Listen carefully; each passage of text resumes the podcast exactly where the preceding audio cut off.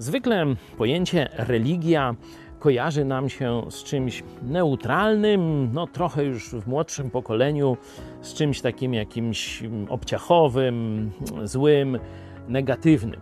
Ale rzeczywistość jest jeszcze gorsza. Pokażę Wam, co stary pastor amerykański mówi o religii i odkryciu reformacji. Zobaczcie. What is religion? Religion is what man does for God. What is Christianity?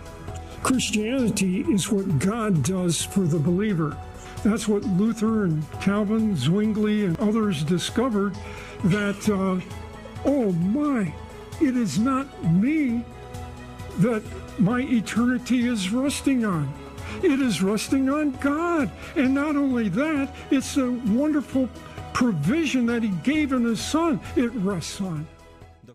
Kiedy człowiek zrozumie, że religia wcale go nie prowadzi do Boga, do poznania Boga Ojca przez Boga Syna Jezusa Chrystusa, tylko go uspokaja na poziomie swoich uczynków, rytuałów, że daje mu chwilowe uspokojenie, ale trzyma go w diabelskich szponach, to wtedy człowiek mówi: Wow, ale syf, ale obrzydliwość. No nie wiem, jakiego słowa użyć, żeby pokazało, jak religia, czyli wiara, że człowiek zasłuży na zbawienie, jest straszną rzeczą.